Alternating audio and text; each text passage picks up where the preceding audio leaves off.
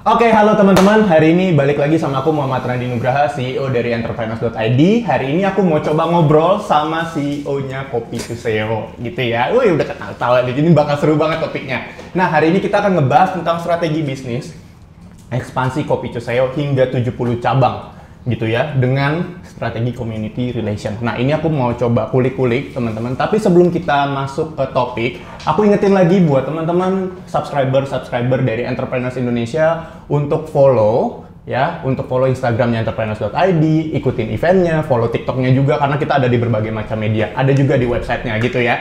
Nah kalau misalkan teman-teman mau tahu lebih lanjut tentang gimana strategi bisnis dalam bentuk presentasi, slide, terus studi kasus, itu nanti kita akan ada bahas di Entrepreneurs Live. Itu pesertanya sampai 10.000 orang gitu. Uh, 10.000 orang, 40 praktisi bisnis semuanya hadir di sana gitu ya. Dari yang bisnisnya kuliner, bisnisnya fashion, konten, beauty dan lain-lain gitu ya. Oke, yuk kita langsung mulai aja ngobrol sama uh, owner dari Kopi Cuseo ya. Halo Mas uh, atau Ko Daniel. ini boleh Ko Daniel coba uh, coba okay. perkenalkan diri dulu. Ko Daniel ini siapa sih? Backgroundnya okay. apa? Terus teman-teman di sini aku yakin penasaran gitu. Ada mungkin yang belum kenal sama Ko Daniel ya. Gitu okay. ya. Jadi boleh Ko Daniel untuk uh, apa perkenalkan diri okay. terlebih dahulu. Oke. Okay. Annyeonghaseyo, Kopi Chiseo dan Emida, Fankasnida. Hai everyone, I'm Daniel from Kopi Chiseo. Halo guys, gue Daniel dari Kopi Chiseo, senang sama ketemu dengan kalian semua. Wah. Jadi langsung pakai bahasa yang aku nggak paham, itu bahasa mana? Korea. Bahasa Korea, oke. Okay. oke, okay, kau Daniel. Tadi Saya ko orang Korea. Oh, Daniel orang Korea? Lahir besar di Lengkong area. Oke. Okay. BSD. Halo, Tadi aku udah dibilangin sama timku, jadi kode dia lucu banget loh Bas katanya gitu. Pasti Mas Randi ketawa deh. Kalau nggak ketawa aku yang traktir makan hari ini katanya. Kalau nggak Mas Randi yang nggak ketawa pasti aku traktir hari ini okay. Randi katanya gitu kan. Oke kode Daniel, kode Daniel ya. ini punya serius serius. Serius nggak sebetul. Kode Daniel ini punya background sebagai sosok pengusaha emang startnya mungkin kuliahnya bisnis atau berjalannya tuh dari mana sih karir petnya bisa jadi sebagai owner dari Kopi Cuseo itu sendiri? Um, sebenarnya aku lama di branding consultant di branding consultant. Yes, aku okay. dari 2012 memang bergerak di dunia branding consultant. Jadi sudah biasa menangani marketing campaign dari berbagai brand-brand besar, mm -hmm. gitu loh belajar dari situ sih, lamanya hmm. di situ. Oke. Okay. Jadi dari situlah menimba banyak ilmu soal marketing, soal branding dan bisnis gitu. Oke. Okay. Jadi berangkat 2012 12. sebagai branding and consultant. 2019 baru akhirnya buka Kopi. Oke, okay. kalau Daniel tadi uh, eh, 2012 sebagai yeah. branding consultant, yeah. terus start di 2019 ngebentuk uh, atau ngebuat brand Kopi Ciseo yeah. gitu kenapa uh, memutuskan untuk mulai terjun ke bisnis kopi di 2019 dan kenapa harus kopi say? Oh, gitu. Menurut aku itu kombinasi antara expertise dengan opportunity. Oke, okay. expertise dan opportunity. Yes, dua itu harus ada sih. Mm -hmm. Jadi kalau misalnya expertise kenapa? Karena memang aku backgroundnya kopi. Aku memang dari dulu suka bukan minum kopi tapi ngebrew kopi. Mm -hmm. Sempat sekolah kopi juga. Mm -hmm dan kenapa namanya kopi Chuseo kok berbau Korea gitu kan hmm. karena itu sesuatu yang aku ngerti aku paham karena aku ngikutin musik K-pop dari 2006 hmm. so it's in my blood okay. I bleed I breathe K-pop gitu loh dari 2006 jadi okay. itu memang something yang aku udah expert di dua bidang itu yaitu kopi dan Korea. Mm-hmm. Kalau misalnya disuruh bikin mungkin nasi uduk ya mungkin nggak jalan gitu. Tapi kan aku ngerti kopi ya gitu kan. Jadi ya uh, oh kopi yang enak dan harganya bisa affordable, COGS-nya rendah tuh ngambilnya di sini sini sini loh. Itu kita paham gitu kan. Mm-hmm. Jadi start with something that I know already mm-hmm. gitu.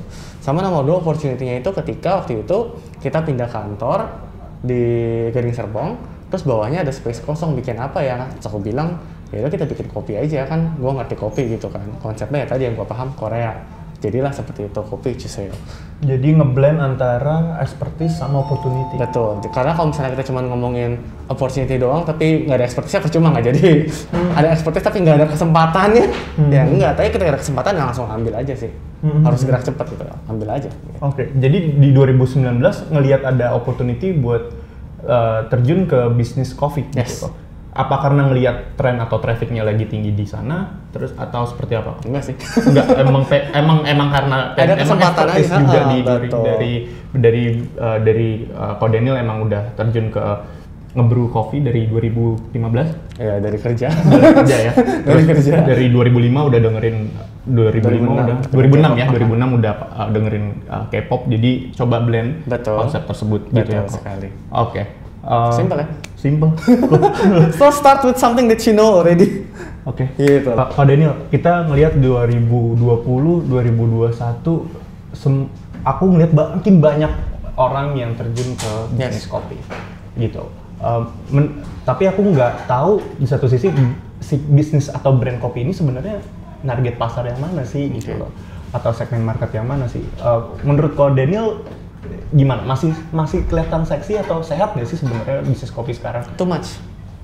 Mas. Too much. Nah, kebanyakan orang yang mungkin nggak ngerti soal produk terjun di bikin bisnis kopi dan bikin kopinya sendiri gitu kan. Sehingga diferensiasinya dari segi produk maupun brandingnya nggak ada. Karena kan dua itu harus jelas kan produknya spesialnya apa, brandingnya kayak gimana.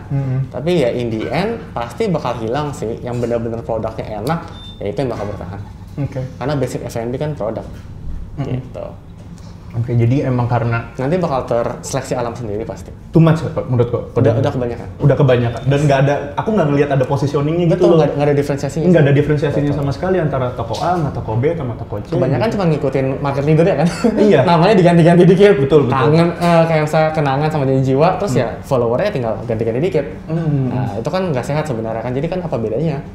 Jangan follow the market dong, gitu. Follow the, jangan follow the leader, tapi kan coba cari segmenmu sendiri. Mm-mm.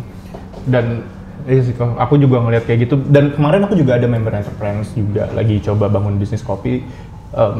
Nggak nggak dapat traction sama sekali juga gitu loh dari sisi bisnis. Menurutku wajar karena brandnya nggak tahu mau dibawa ke mana untuk segmen market mana. Sedangkan saat aku ngobrol sama suasana kopi eh, itu brandnya berbeda gitu loh. Nah, saat saat ngobrol sama suasana kopi dia tuh brandnya udah di depan gitu Eh, dia nentuin brandingnya udah di depan dan dia engage banget sama community gitu nah kalau misalkan ngobrolin sama kopi Cuseo ini kopi Cuseo tadi ngobrol tentang community relation apa sih kok yang dimaksud sama community relation apa hubungan yang dibangun sama antara kopi Cuseo dengan komunitasnya nah. Tadi kan kita bilang harus start with something that we know already gitu kan. That we're in that community already gitu loh. Nah, K-pop itu adalah sebuah komunitas yang besar. Niche, niche kok niche, tapi besar. Dan kita nggak usah sosokan jadi K-pop karena I've been there already.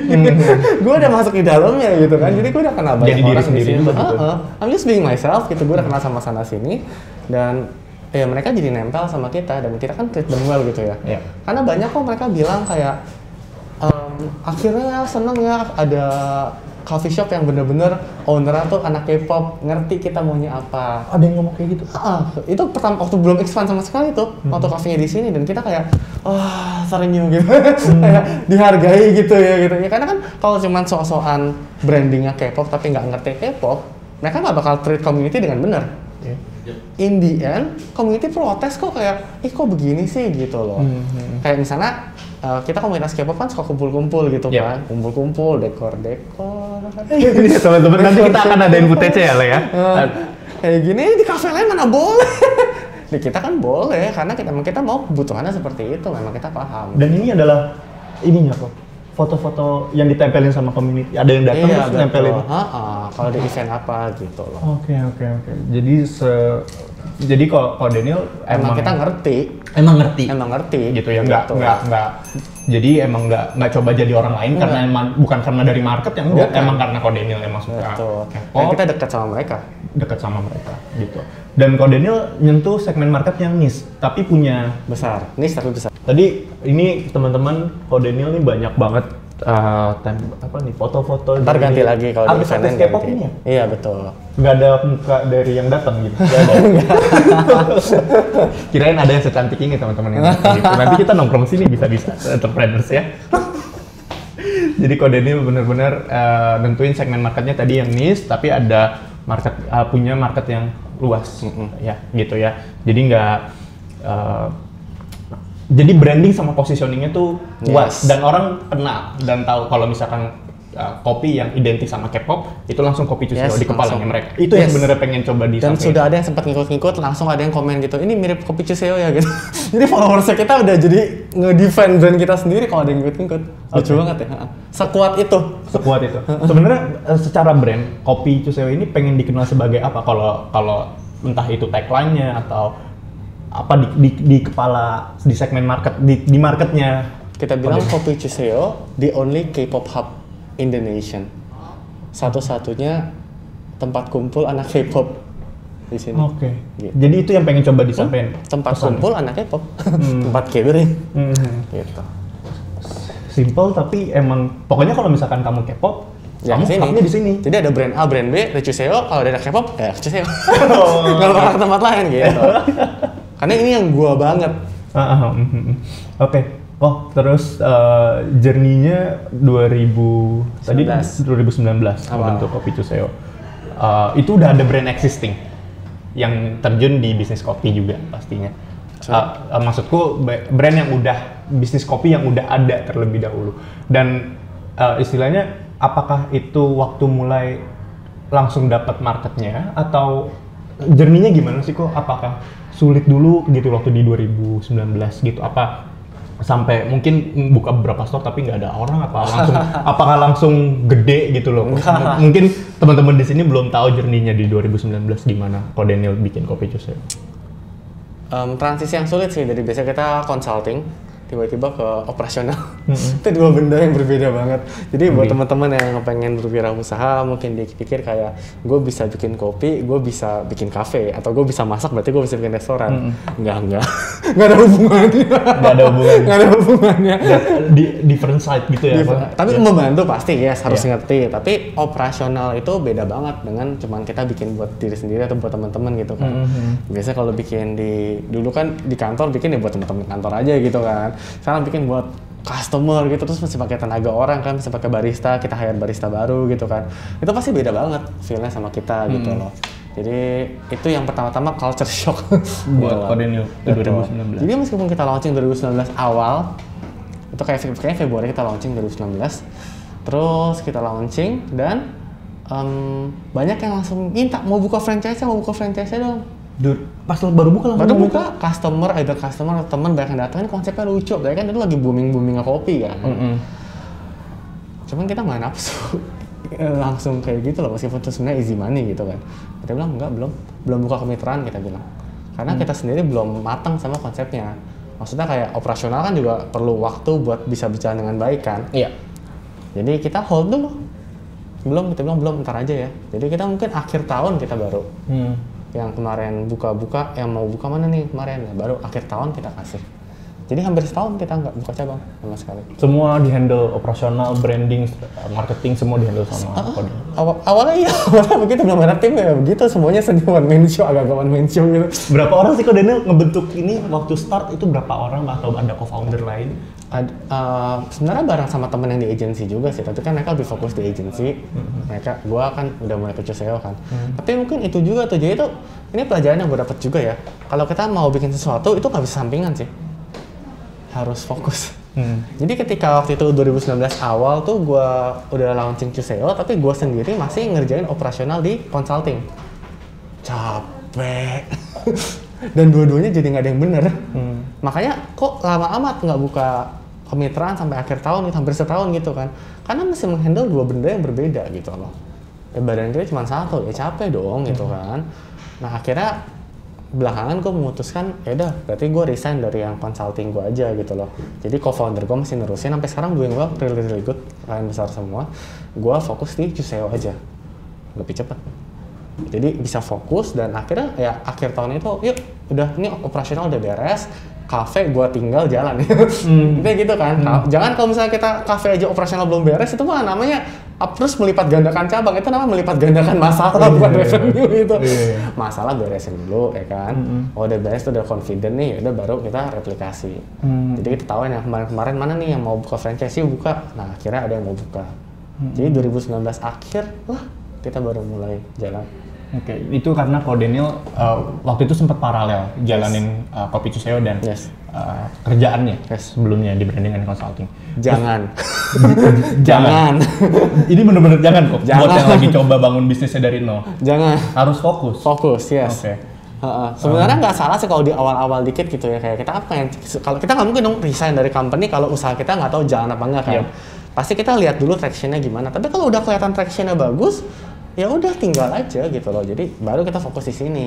Jangan dua-duanya mau jalan tapi dua-duanya mau ngetop itu susah kayaknya gitu loh. Nah, banyak orang nawarin eh, kayak ini kalau misalnya denger teman-teman gitu, ini kerjaan sampingan side job dikit doang kok. Nggak ada yang begitu. Lo kerjaan mau sukses masih fokus ya Iya, iya. gitu nggak bisa kayak dikit-dikit doang gitu kan bantu misalnya kita punya job ini sa- sampingan jadi ini ini kerjaan apa pun kalau fokus jalan kalau Iya. nggak fokus ya nggak jalan Iya benar. gitu Dan itu insight buat teman-teman ya. Jadi buat yang lagi mulai bisnis, coba fokus Hmm. ya, coba fokus. Terus decide dari Kodenil sendiri tadi nge-state bahwa operasional harus rapi dulu. yes Kodenil tinggal bisnis tetap jalan. yes Harus bisa kayak gitu. Baru diduplikasi atau direplikasi. Jangan kita coba ekspansi bisnis tapi Masih masalahnya ah.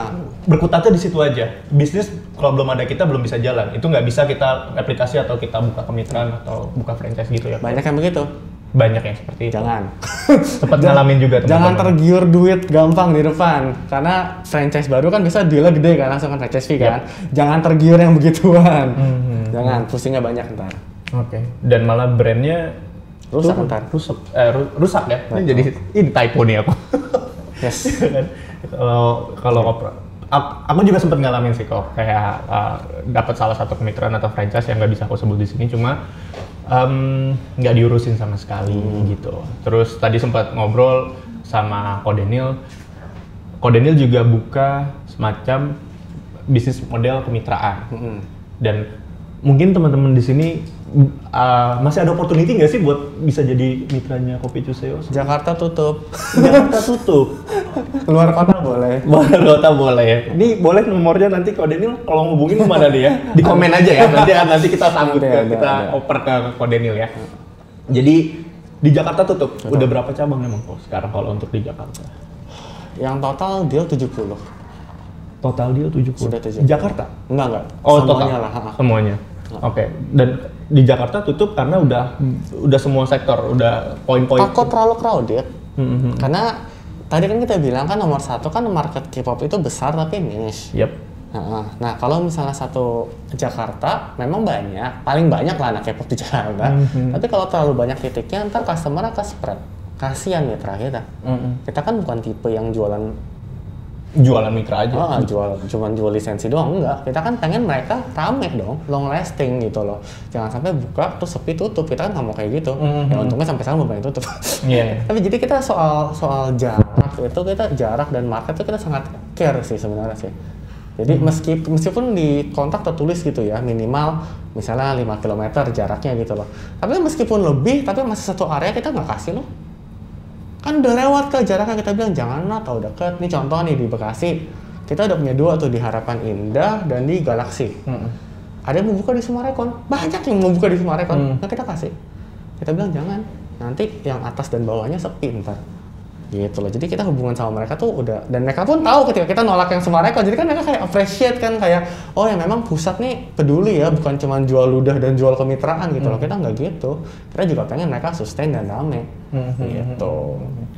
Dan mungkin itu buat teman-teman yang lagi coba atau di bisnis kuliner coba bangun kemitraan itu coba care ya kok ya sama franchise-nya At- a- apa pun lah yang jadi partner atau mitra atau apa pun sebutannya itu kalau dari Kodenil sendiri mencerminkan Kodenil untuk secare itu gitu loh. Bahkan soal jarak juga pokoknya bisnisnya mereka juga harus maju kan bawa brandnya Kopi Cuseo betul kan kok ya. Betul.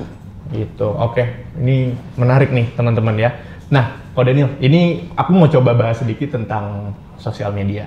Oke. Oke, aku lihat Instagramnya 60 ribu sekian followernya. Terus itu yang pertama. Terus tadi pagi aku baru explore Kopi Cuseo ada nggak sih di TikTok? Aku lihat gitu kan. Ternyata ada gitu kan di TikTok dan eh, 17 ribu sekian followernya Oke. gitu ya. Terus eh, menurut Ko Daniel, em, sosial media dengan bisnis kuliner seberapa penting dan apa sebenarnya yang harus dieksplor? Apakah semua platform tersebut harus dieksplor?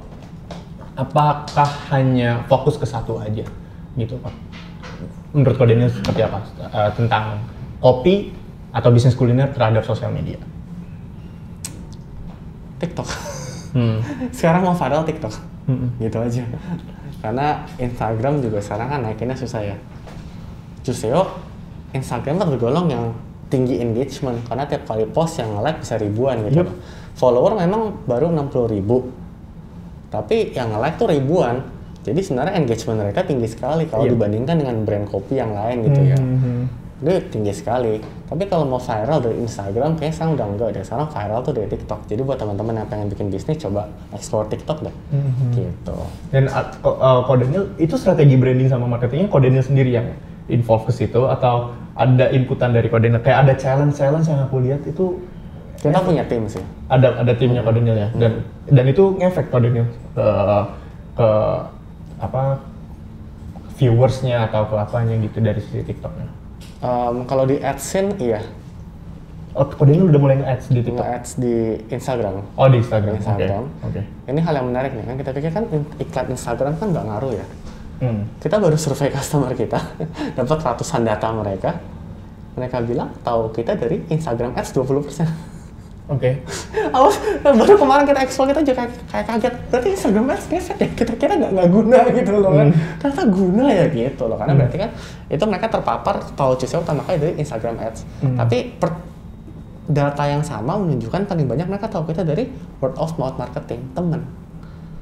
Temen. Jadi tanya apakah sosial media ngaruh? Ya ngaruh tadi 20%. Tapi yang paling besar 40%, 30% lebih hampir 40 sama word of mouth marketing. Jadi baik-baiklah terhadap customer kalian. Mhm. Pastikan mereka ngajak teman-teman ke usaha kita juga. Oke. Oke. Ko Daniel juga ngiklan juga ya Pak ya di Instagram Ads ya. Yes. Dan karena emang eh, aku juga banyak temen yang punya bisnis eh, kuliner atau bisnis F&B dia nggak nggak concern ke arah eh, marketing gitu loh. Gua kira juga nggak ngefek, ternyata ngefek. Eh, karena di di Facebook itu sama Instagram dia ada ini kan ada targeting Iya. yang K-pop. Yes. Interestnya mungkin dineroin ke coffee. Itu ada, tuh aku nggak tahu seberapa besar ya marketnya di Iya, iya. Indonesia. Tapi misalkan teman-teman udah nentuin brandnya apa, mau sasar segmen market yang mana, itu ada semua sebenarnya datanya di situ. Tinggal teman-teman mau paparin brandnya atau nge-reach audiens lain atau enggak gitu ya. Oke, Ko Daniel, tadi kita udah asik ngobrol sampai kita belum bahas Cuseo itu apa sih sebenarnya artinya gitu loh buat teman-teman mungkin di sini banyak yang nggak familiar apa sih Cuseo Cuseo itu apa sih gitu boleh Ko Daniel ceritain Eh, artinya kopi dong, kopi dong gitu coffee please gitu loh. Coffee please. Nah, itu termin yang emang biasa dipakai si Juseo gitu. Oke, ada nggak sih sebenarnya orang yang datang tadinya nggak jadi nggak K-pop gitu, tapi pas datang ke kopi Cuseo jadi tiba-tiba interest gitu loh sama K-pop gitu. Ada nggak sih kok pernah ketemu market yang kayak gitu? Kayaknya enggak deh. Nggak ada yang pernah ketemu market kayak gitu. Ya? emang ada market umum di kita kurang lebih 10%. Market umumnya hanya 10 oh, market umumnya 10 persen gitu ya. Oke. Jadi coffee please gitu ya dan tapi setiap orang yang K-pop tuh pasti tahu Cuseo artinya coffee please. Ya, kurang lebih tahu lah. Kurang lebih tahu Termin ya. yang bisa dipakai sih kayak Juseo gitu. Itu, jangan sampai kita udah ngeluarin budget marketing ratusan juta gitu, terus orang nggak balik. Udah dong. Mendingan kita matangin produknya dulu ketika kita. Jadi jangan jangan buru-buru lah. Harus kita tuh butuh waktu gitu, butuh kesabaran gitu kan. Iya, Lihat tractionnya gimana, marketnya bilang input dari orang-orang gimana, perfectin dulu, baru kita melangkah ke yang berikutnya. Brandingnya bagusin. Hmm. Bukan berarti nggak butuh branding di awal, butuh. Tapi jangan bakar duit di situ dulu di awal, jangan. Kalau habis itu kalau ini udah mantap dua-duanya, udah jelas kita mau ngasah market yang mana, barulah kita Scale bisnisnya. Ah, baru kita scale up. Either dengan kita buka cabang pakai duit sendiri, terus misalnya minta funding nanti kayak kenangan gitu kan, Mm-mm. atau kita langsung bikin franchise kayak gini jiwa, kayak Cuseo gitu, nggak ada yang salah, nggak ada yang benar. Yang penting scale up karena dengan scale up uh, pasti lebih enak marketingnya. Misal Iya. tadi balik lagi ke nomor dua lagi, kalau kita hire artis ini kopinya enak loh. Terus ketika dicari cabangnya di mana? Cuma satu tempat ya susah kan akhirnya. Tapi Nggak eksis soalnya. Heeh, dan Ada di akhirnya yang di luar kota atau luar daerah mau ke sana jauh. Jadi uh, kurang impactful lah gitu. Loh. nggak efisien budgetnya gitu. Budget sekian buat berapa? Satu dua cabang. Ya rugi. Tapi kalau budget yang sama karena higher inflation ternyata sama aja. Mau kita satu cabang 10 cabang Yep. ternyata sama. 10 juta ya 10 juta. Tapi 10 juta dibagi satu cabang apa dibagi 10 cabang? Betul. lebih efisien kalau dibagi 10 cabang kan? Betul. gitu. Jadi memang lebih enak kalau kita bisa scale up sih. Hmm. nggak ada salah nggak ada benar. Dan oke, oh. Kalau misalkan ngobrolin tentang ekspansi buka cabang, kalau di bisnis kuliner itu emang harus ya kok ya, karena ada market yang emang mereka butuh dan har- harus kejangkau gitu kan ya, secara brand. Nggak nggak emang harus ada ekspansi bisnis buka offline store atau Yes, better seperti itu. Kalau mau scale up, tapi beberapa pun tidak mau scale up ya nggak apa-apa itu kan filosofi bisnis kan. Yep. Kalau mereka bilang saya mau saya jadi satu cafe ikonik misalnya di Bogor dan saya nggak pengen scale up ya terserah dia gitu. Mhm. Ya pokoknya di Bandung ini yang paling ikonik gitu ya terserah dong. Mhm. Karena jangan-jangan kalau dibawa ke Jakarta konsepnya beda. Misalnya di Bogor kafenya bagus karena banyak tanaman lu- luas gitu kan, kopinya enak, uh, tempatnya juga- enak, suasananya enak. suasana enak. Tapi ketika dibawa ke Jakarta, kopinya masih enak pasti, tapi pemandangannya hilang jadi ruko. Hmm. Jangan nggak konsepnya. Nah gitu, kan nggak ada yang tahu kan. Balik lagi ke brandingnya. Ah, ah, dia mau brandingnya seperti apa. Iya, iya, iya. oke. Jadi uh, belum tentu kita satu ini konsep berhasil Hmm. dibawa ke tempat lain bisa berhasil. Nah, itu yang kita harus hati-hati kalau kita mau ekspansi. Oke, oke Kak Daniel. Thank you inputnya dan strategi bisnisnya. Kak Daniel, terus uh, kalau flashback sedikit 2020-2021 kita masih ngalamin yang namanya pandemi, Ya. COVID. Pernah hit Pasti, 2019. pasti. April, Mei, ap- apa yang impact sama kopi Suseo? Omset drop 70% ya. Drop 70%. Orang pada bilang drop 30, 50, gue kayak drop 70% yang still fine. Oke. Uh, ada sampai ngurang, uh, ngurangin karyawan atau gimana kok waktu itu 2019? Hmm, Kalau di aku sempat aku sempat sampai aku drop 70% juga karena aku nggak bisa jalanin yang namanya offline event. Nah, karena di situ aku monetize bisnisnya biasanya uh, subscription aku aku dagangin di situ. Cuma aku nggak bisa dagang di situ dan market nggak ngerti apa itu webinar, zoom dan lain-lain gitu kan.